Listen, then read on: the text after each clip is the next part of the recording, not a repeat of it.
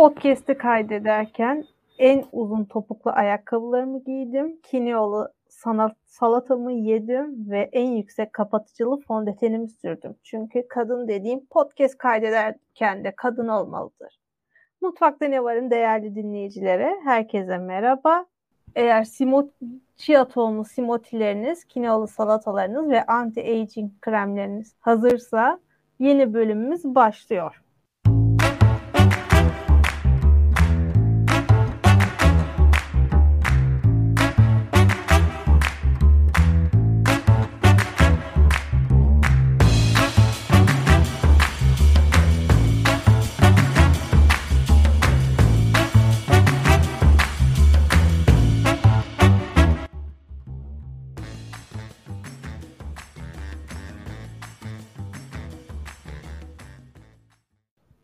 Ne Var'ın yeni bölümden herkese merhaba. Ben Meltem Suat.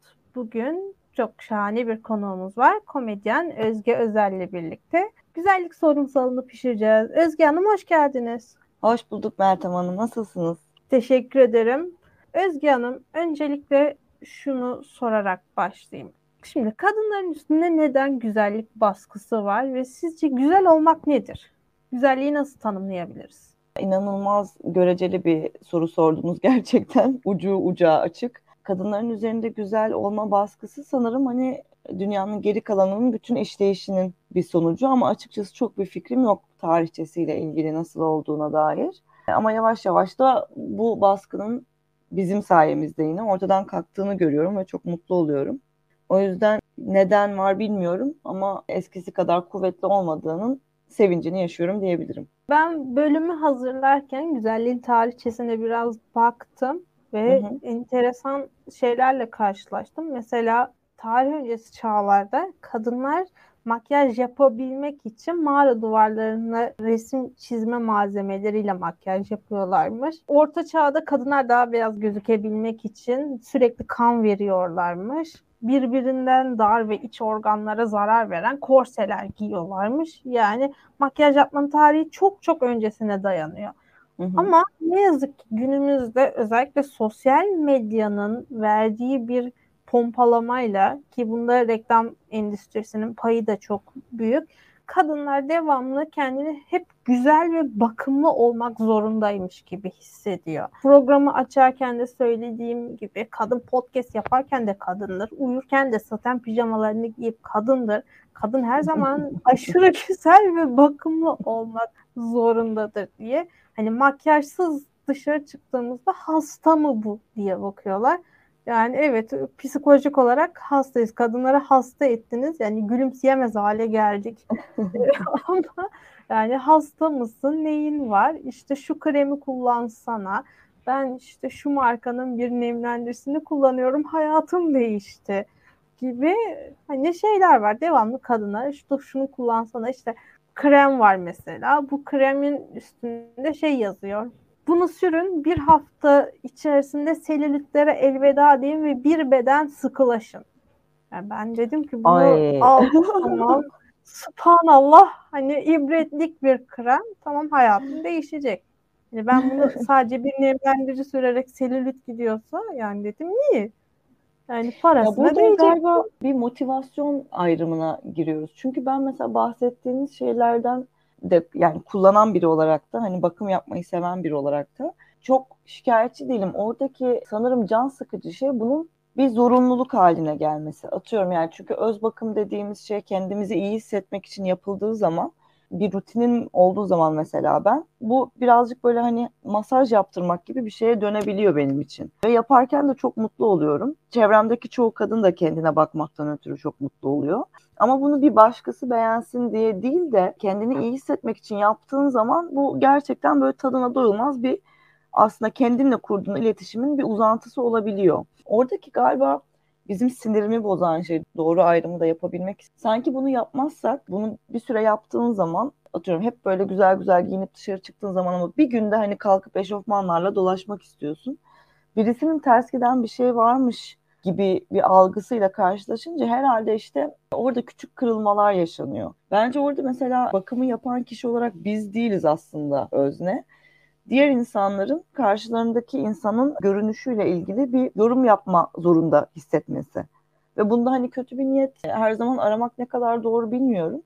Çünkü o kadar böyle günlük hayatın diline karışmış, iç içe geçmiş bir üslup ki bu hani hiçbir şey konuşmasam bile en az tanıdığın insana gel işte zayıflamışsın, akülü almışsın, bugün biraz yüzün solgun gibi iyi misin falan dediğin zaman sanki bu böyle ne haber nasılsın nasıl hissediyorsunun yerine geçiyormuş gibi saçma sapan bir formül kullanıyor insanlar.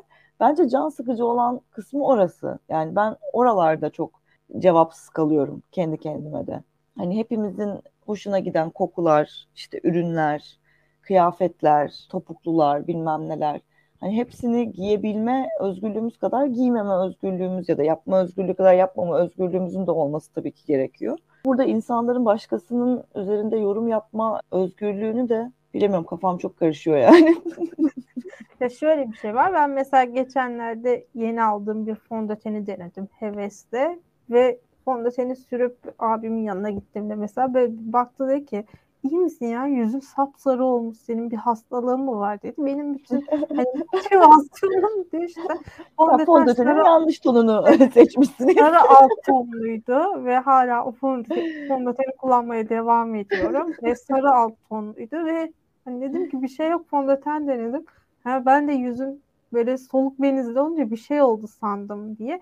Hani kadınların üstünde devamlı bir hani cilt renginde bir şey mi var? Ben mesela gratis'e gittiğimde ki hani burada iğneyi kendime çuvaldızı başkasına batırıyorum. Gratis'e gitmek ki benim en büyük aktivitelerimden biri orada bana satış görevlisi gelip rimel bazımızı denemek ister misiniz dediğinde hani şey şu an seni anlıyor ve yapısal olarak parçalanıyorum yüz ifademle bakıyorum. Çünkü rimel bazı ne? Birincisi. ikincisi neden rimel bazı kullanmalıyım?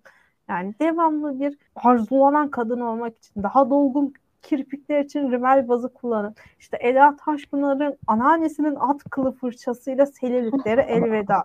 Ya bu selülit denen nane sadece kadınlarda mı var ya da yorgun göz altları? Ben hani 5000 ton kapatıcı sürüp o uykusuzluğunu gizlemeye çalışırken erkeklerin yüzünü sadece şebeke suyuyla yıkayıp dışarı çıkıyor olması hani bir miktar sinir bozucu olabiliyor ya da ben gratis'e gittiğimde saçıma ayrı, yüzüme ayrı, vücuduma ayrı ürün almak zorundayken erkek reyonuma gittiğimde yüz, vücut ve saç için birleşik bir şampuan görüyorum mesela.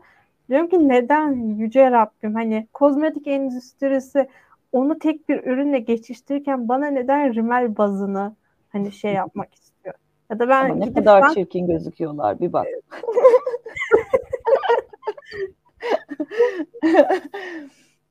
yani ya ben orada, o, kadar... o artık hani bilmiyorum kapitalizmin tanımı içine giriyor herhalde hani daha fazlası daha fazlası daha fazlası gibi. Haklısınız de diyebilirim.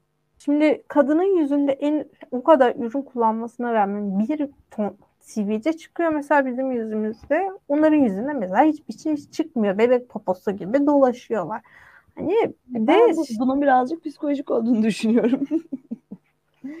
onların da bizim kadar derdimiz evet. olsaydı onların da cildine vururdu gibi olabilir bilmiyorum yani de şey var kadınlar artık eskiden bir ünlüye mesela bana Çağla Şikel poposu yapar mısın diye estetikçilere gidiyorlarmış. Hı hı. Şimdi bana Snapchat filtreli halimi yapar mısın? Çünkü ben de programı açarken şimdi burada birbirimizi kandırmayalım. Hiç yapmıyormuş gibi başkalarını eleştirmeyeceğim. Ben de filtreli fotoğraf çekiyorum arkadaşlar. Yapacak bir şey yok yani. Artık başa gelen çekilir. Ama hani ben filtreli halim bile az önce bir bakayım ya diye şey yaptığımda dedim ki aslında güzel kızım bugün hani kaydı görüntülü mü yapsam falan diye sonra dedim ön kamera bir anda açılınca o filtreye gidince ya dedim evet gene güzel kızım ama yani bu ben değilim. Az önceki kadına ne oldu? Yani yüzüm bir anda kendi yüzüme döndü. O makyaj gitti, ışıklı ah. oyunu gitti. hani bütün hayallerim yıkıldı bir anda.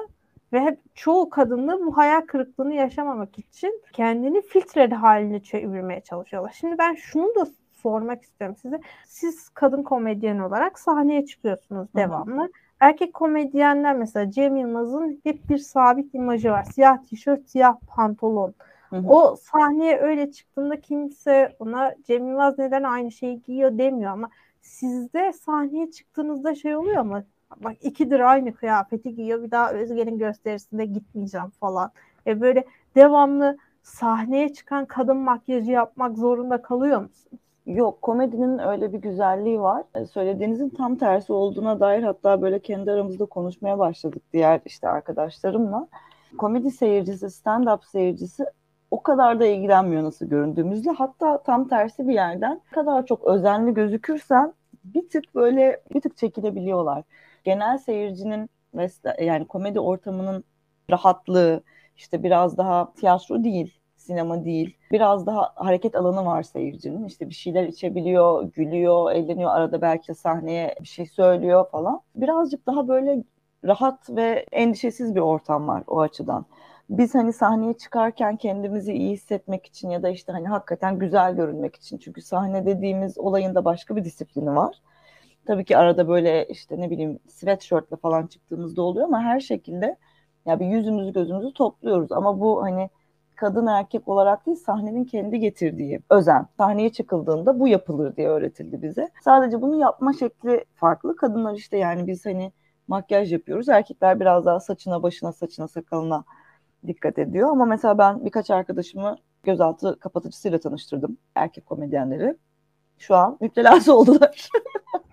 Sahneye çıkmadan güzel güzel onları sürüp sivilcelerini kapatıp efendim gözaltı söyleyeyim gözaltı kapatıcısını sürüp seyircilerin karşısına öyle çıkıyorlar. Tam tersi özellikle hani sahnede ve stand-up'ta çok şık olduğumuz zaman neredeyse böyle bir mesafe giriyor seyirciyle aramıza.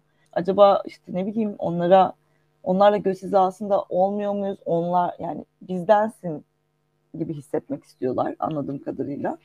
Öyle izlerken rahat ediyorlar ama mesela bütün seyirciler tatlı tatlı kot tişört gelmişken ben bir anda böyle şık bir parçayla karşılarına çıktığımda böyle bir Allah Allah ne oluyor gibi şeyleri yüzlerinden okuyabiliyorum. Hani o yüzden böyle hala o konularda araştırma içerisindeyiz sosyal medya gerçekten hani insanların hayatını artık etkileyen en önemli faktörlerden biri oldu. Benim mesela aşırı Instagram bağımlısı bir arkadaşım var. Hı-hı. Yakında kamu spotunda oynayabilecek düzeyde Instagram bağımlısı.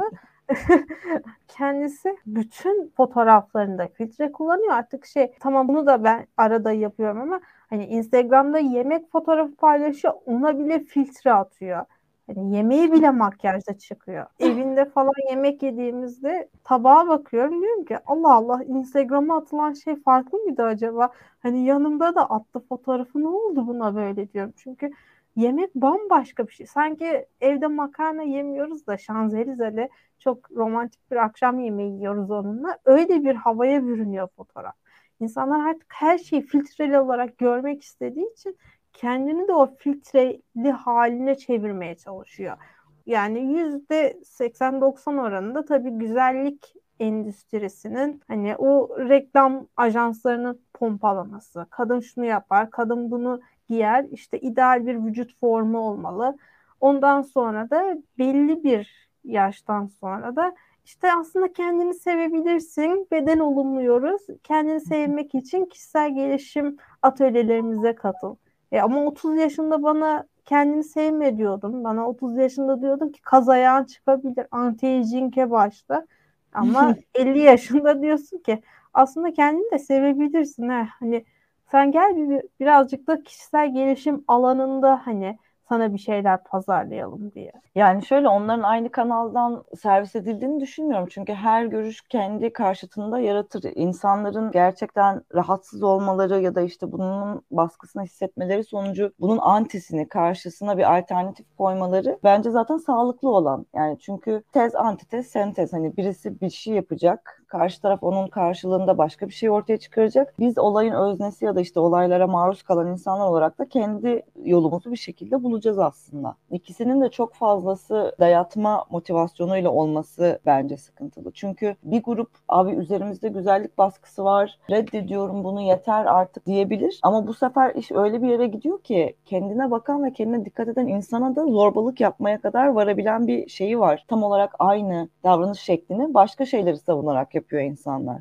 Bunun böyle bir ince çizgisi var. Maruz kaldığım için de biliyorum. O yüzden de bu kadar net. Evet abi kadınlar güzel olmak zorunda değildir gibi bir cümlesi yok yani bunun. Böyle bir şey söyleyemem. Zorunda değiliz evet ama hani ben kendime bakıyorum diye de hani böyle atıyorum biraz fazla bir makyaj yaptığımda yine başkalarına göre fazla karşılanıyor bu arada. Ya da bir başka birine karşı biraz daha iddialı bir kıyafet giydiğimde insanların bu sefer de hani ilgi çekmeye çalışıyor.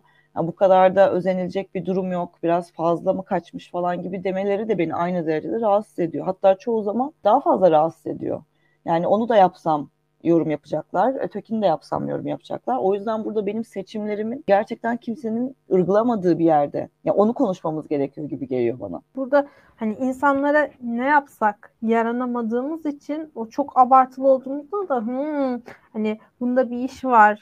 Mesela hani ne yapıyorsun da bu kadar süslendin diyorlar ama hani spor giyindiğimizde de hani niye bu kadar saldın diyorlar. Bu mesela Instagram'da no make-up make-up yapan kadınları evet. ne kadar doğal makyajsız çok güzeller diyen erkekler hani tek bir kırmızı ruja işte bu kadar da makyaj yapılmaz ki canım diyorlar. O tip erkekleri mesela Boğaz Köprüsü'nde rahatlıkla kaktırabiliriz. Ya.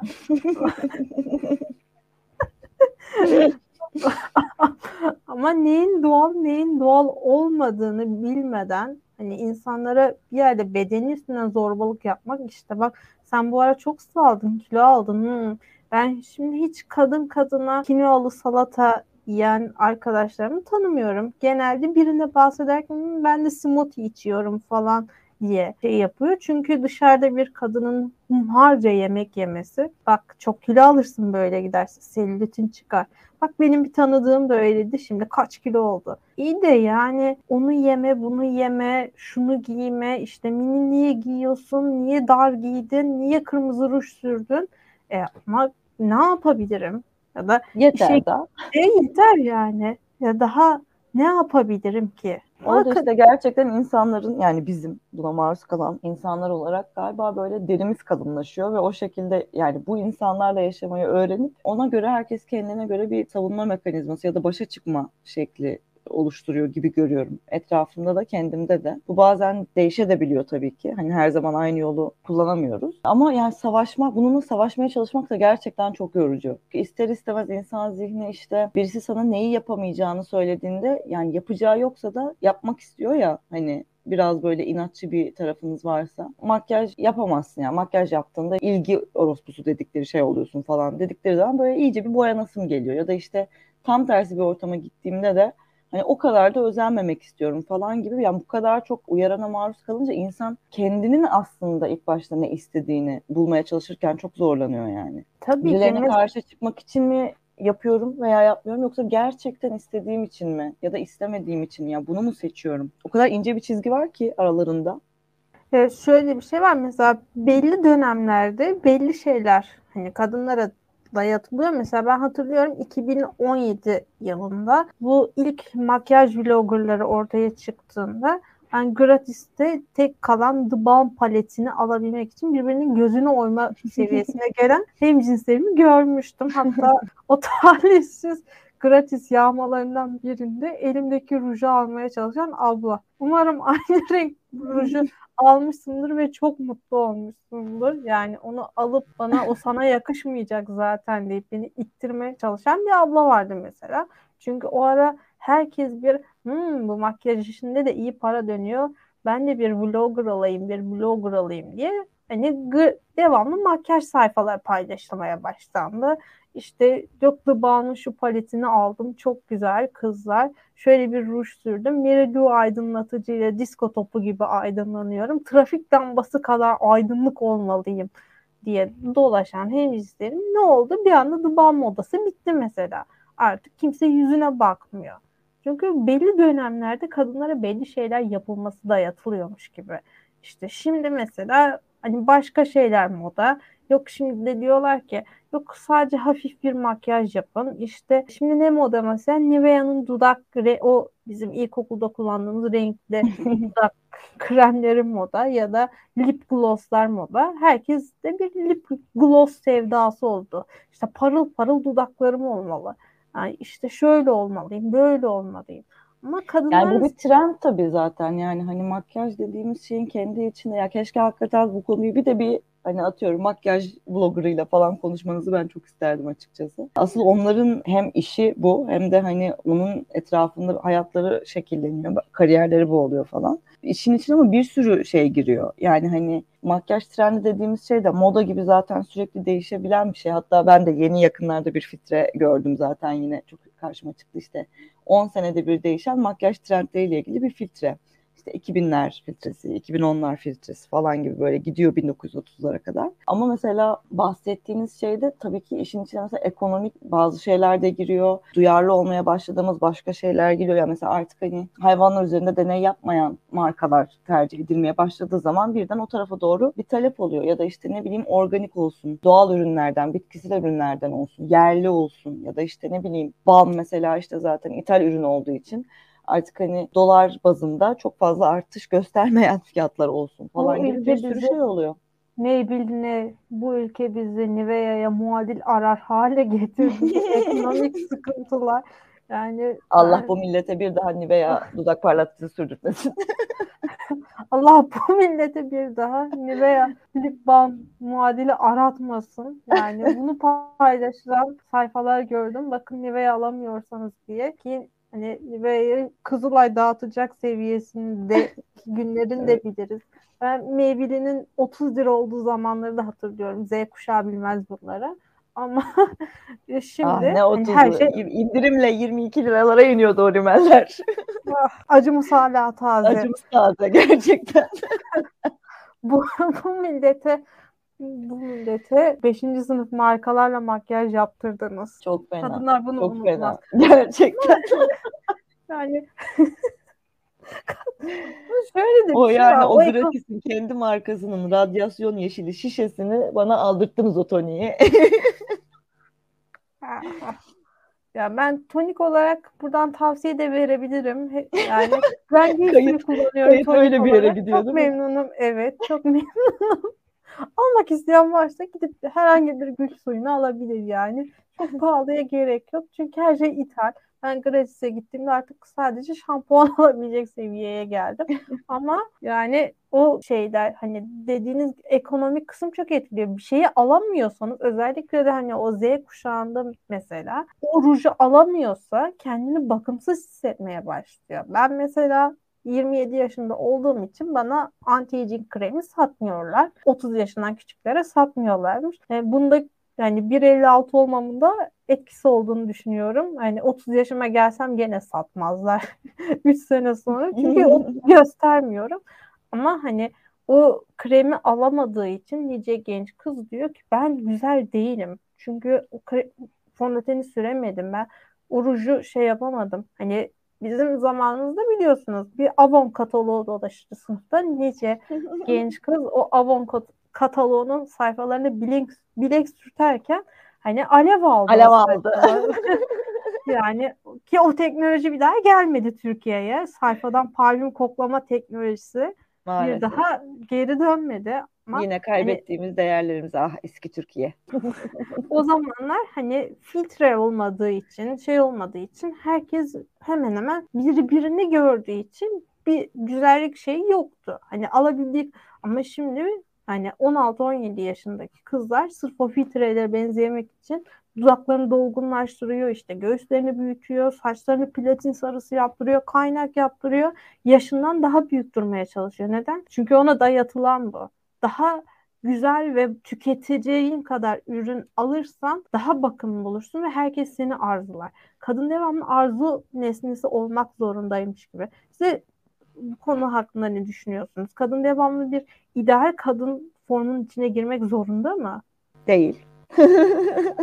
o kadar net bir giriş gelişme sonucu oldu ki ben sadece bir hani bunu yapmak istedim. Değil. Değil. Peki kadınlar neden hani tarih boyunca hep bir şey hani güzelleşmeye çalıştı sizce? Hani o mağara duvarına resim çizmek için yarayan tebeşirlerle neden dudaklarımızı boyadık? Neden ya da orta çağda gidip kan verdik? Ya kan vererek güzelleşmek de çok enteresan bir şeymiş bu arada. Daha da acı veren şeyi takma kirpik olsun diye gözüne siyah iplik diken Çinli kadınlar varmış mesela. İnanılmaz. Herhalde içinde bir eş bulma e, motivasyonu oluyordu diye düşünüyorum. Yani tarih boyunca bu böyleydi. Zaten ne zamanki eş bulma motivasyonları çatırdayıp dağılmaya başladı çok şükür ki. hani o prangadan kurtulduğumuz gibi de artık hani başka şeyler konuşmaya başladık aslında. Yani şu an mesela o beden olumlama, işte kendini sev, kendinle barış hareketlerini bu konuda bir katkısı olduğunu düşünüyor musun? O zaten bunun mesela bir uzantısı bence. Yani insanın içinden bir amaç için güzel olma şeyini çıkardığınız zaman hani e, kimin için güzel olacağım o zaman oluyorsun. Sonra kendin için yapmayı tekrar keşfediyorsun ama sana kendinle ilgili, kendinle kurduğun ilişkiyi böyle tutmayı hiç öğretmedikleri için hem tarih boyunca da hem bütün bizim kendi kişisel hayatlarımız boyunca da o kadar yeni bir bilgi ki hiç kimse için ve hiçbir şey için sadece kendim için. Yani aynada kendimi gördüğümde iyi hissetmek için yapıyorum bunu bilgisi. O kadar yeni bir bilgi ki yani hani neredeyse ya yüzyıllardır yok. Ve hani herhangi bir bilginin içselleştirilmesi için sürekli hani pekiştirilmesi, tekrar edilmesi, aktarılması falan da gerekiyor ya böyle düşünüyorum bilmiyorum. Ben bu yüzden bu kadar hani beden olumlama, kendini sevme, ne bileyim çok ünlü markaların artık büyük beden koleksiyonlar çıkarması, temsiliyet duygusu, yani ekranda, televizyonda, şimdi sosyal medyada, medyada gördüğümüz her şeyin olabildiğince çeşitli olmasının verdiği neşe bundan. Çünkü hani tek bir prototip yok. Bir sürü ve hani bu şey olarak da bitmiyor. Hani uzun, kısa, şişman, zayıf, açık tenli, koyu tenli hani bi- bitmiyor. Her zaman değişiyor ve bir sürü kriteri var bunun. Yani bir sürü beden var. Tek bir güzellik algısının olması zaten çok saçmaydı ama muadilini bulmakta çok gecikmedik Allah'tan. Yani bütün kadınlar güzeldir, bütün bedenler güzeldir fikrinin yeni oluşu ve bunun üzerine bu kadar çalışılıyor olması benim hoşuma gidiyor açıkçası. Ama yine oradaki işte küçük dipnotumda şey yani bazen kendimle mutlu olmaya da bilirim ya buna da hakkım var yani hani duyguları bastırmadan yaşamak ve onları çok da böyle üstünü kapatmamak gerekiyor ya. Dolayısıyla evet. böyle iyi hissetmek de toksikleşince işin tadı kaçıyor. Ama oralara varılmadığı zaman ben uzun vadede çok güzel bir adım olarak görüyorum bütün onları. E, tabii ki şimdi iyi hissetmek için yapılan bütün o makyaj hani ben de kendimi iyi hissetmek için mesela hani bakım yapıyorum, şey yapıyorum. Kendimi sevdiğim için ama bir yandan da hani bir gün bile saldığında toplumun aa neden bugün işte saçını şöyle yaptın, niye böyle yaptın diye zorbalık yapması aslında insanın o şeyini kıran en önemli tabii, tabii. en önemli şey oluyor. Çünkü e, o da hani... artık ya. Yani gerçekten onu da yapmasınlar artık. Ya. Sana ne ben nasıl gözüküyorsam gözüküyorum be adam. Hayır bir de hani sahneye çıksan tamam kamera önüne geçsen hani işin bu olsa Siz sahneye çıkıyorsunuz. De, hani yolda yürürken de gerçekten sana ne ya?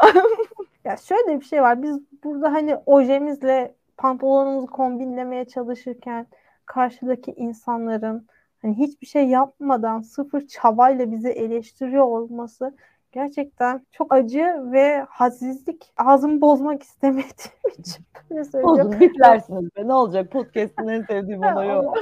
Benden kıymetli mi? Yani evet. Sevgili erkekler lütfen hani bunu kadınlar da yapıyor. İşte şöyle olursan bak bak sana kırmızı ruj hiç yakışmıyor biliyorum.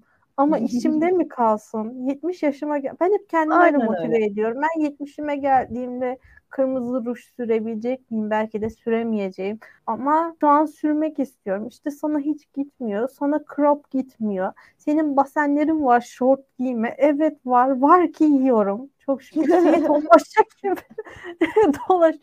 Gerçi benim bir problemim yok. Buradan yanlış anlaşılmasın ama var ki yiyoruz. Var ki şey yapıyoruz. Hani Niye Yürü be. devamlı? E, niye devamlı? İşte tight giyme sana hiç yakışmıyor. Tight'la crop giydir mi? Zaten zaten burası Türkiye. Tight'la crop giydiğimizde tarz edilme korkusuyla götüm götüm ilerliyoruz sokaklarda. Aynen hani bunu öyle. hani giyemiyoruz.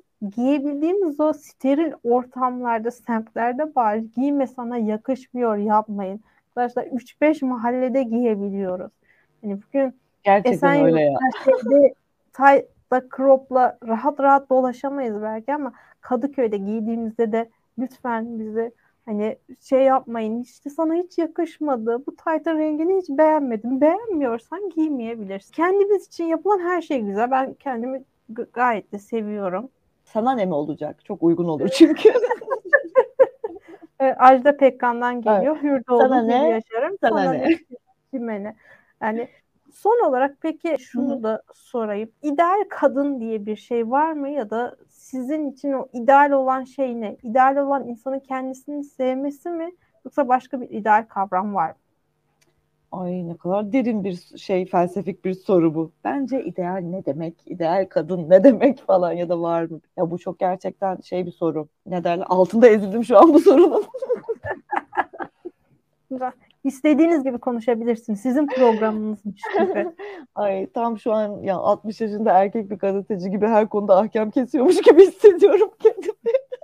Lütfen buyurun. İstediğiniz konuda ahkam kesin. Her Efendim, konuyu bilen bence kadın dediğin her zaman bilmiyorum ya ben ideal bir kavramı için çünkü ideal kavramın altını doldurmaya başladıktan ya herkesin kendisi için ulaşmak istediği ya da işte olmak istediği bir form vardır mutlaka. Hani oraya doğru ilerleriz ya aslında işte. Kendimize küçük küçük hedefler koyarız işte gördüğümüzde ya ben de mi böyle bir şey denesem deriz bilmem ne ama Bence bunun herkese göre başka bir cevabı var. Yani benim kendim için koyduğum ideal özge var mesela bir tane. Ama hani o ideal özgeyi de hani o kadar böyle kaf dağına koymuyorum ki hani her seferinde orada olmadığım için kendimi suçlamayayım. Çok böyle hani yüksek hedefleri tırnak içinde mükemmelliyetçilik diye tabir ettiğimiz şeyleri hayatımdan uzaklaştırmaya çalışarak geçiyor ömrüm. O yüzden hani şey bile yapamıyorum açıkçası artık hani şunu yapmam lazım dediğim zaman e, onu yapmadığım her an bana batıyor ve hani içinde bulunduğum zamanın da içine sıçmış oluyorum bir nevi. O yüzden kadınların üzerinde zaten ideal olması üzerine bir sürü yani her kesimden hem de her şey var.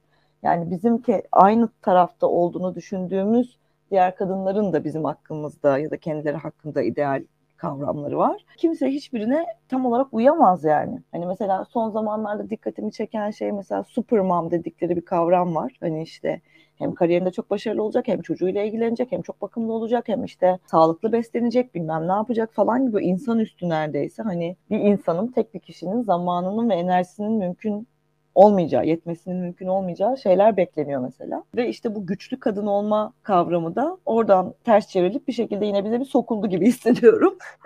o yüzden böyle oyunlara gelmiyorum kesinlikle. Güçlü olmakta zayıf Oyuna gelme Türkiye, büyük resmi gör. Kesinlikle öyle.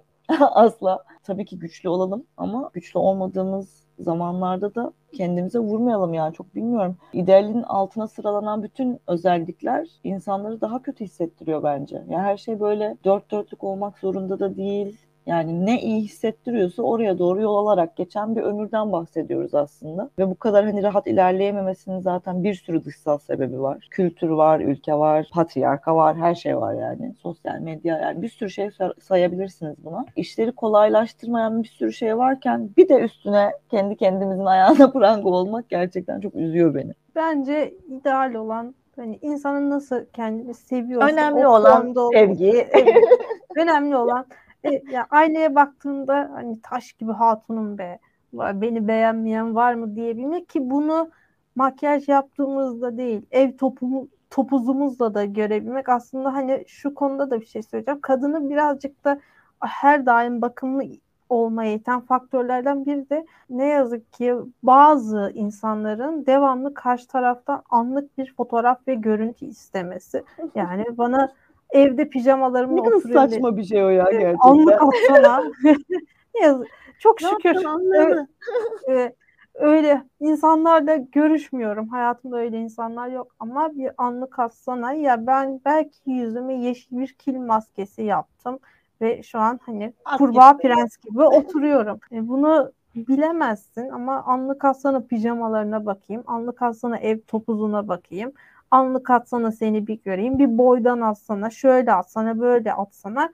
E, ne oluyor? Devamlı bir evdeyken bile makyaj yapıp hani sabahlıkla oturayım ki anlık ister mi acaba diyen bir de oluşuyor. Yapmayın sevgili hemcinslerim. Yani kimseye bunu yapmak zorunda değiliz. Kendimizi öyle seviyorsak tamam giyip oturalım tabii ama devamlı da birisi bizden bir şey bekleyecek diye arzu nesnesine dönüşmek zorunda değiliz. Bizi doğal halimizde beğenmeyen zaten diğer hallerimizde hiç beğenmez. Çok doğru söylediniz. Hemşirem. Ağzınıza sağlık. ne demek, ne demek. İltifatlarınız için çok teşekkür ederim. Estağfurullah efendim. Huzur Makamı isimli programa geçiyoruz. Biz sizden ayrılmayın. evet canım çok teşekkür ederim. Mutfakta Ne Var'ın bir bölümünün daha sonuna geldik. Önümüzdeki hafta yeni konuklarla yeni gündemleri pişirmek üzere bizi dinlemeyi ve takip etmeyi unutmayın. Son olarak da kendinizi nasıl seviyorsanız öyle yaşamaya devam edin. Görüşmek üzere.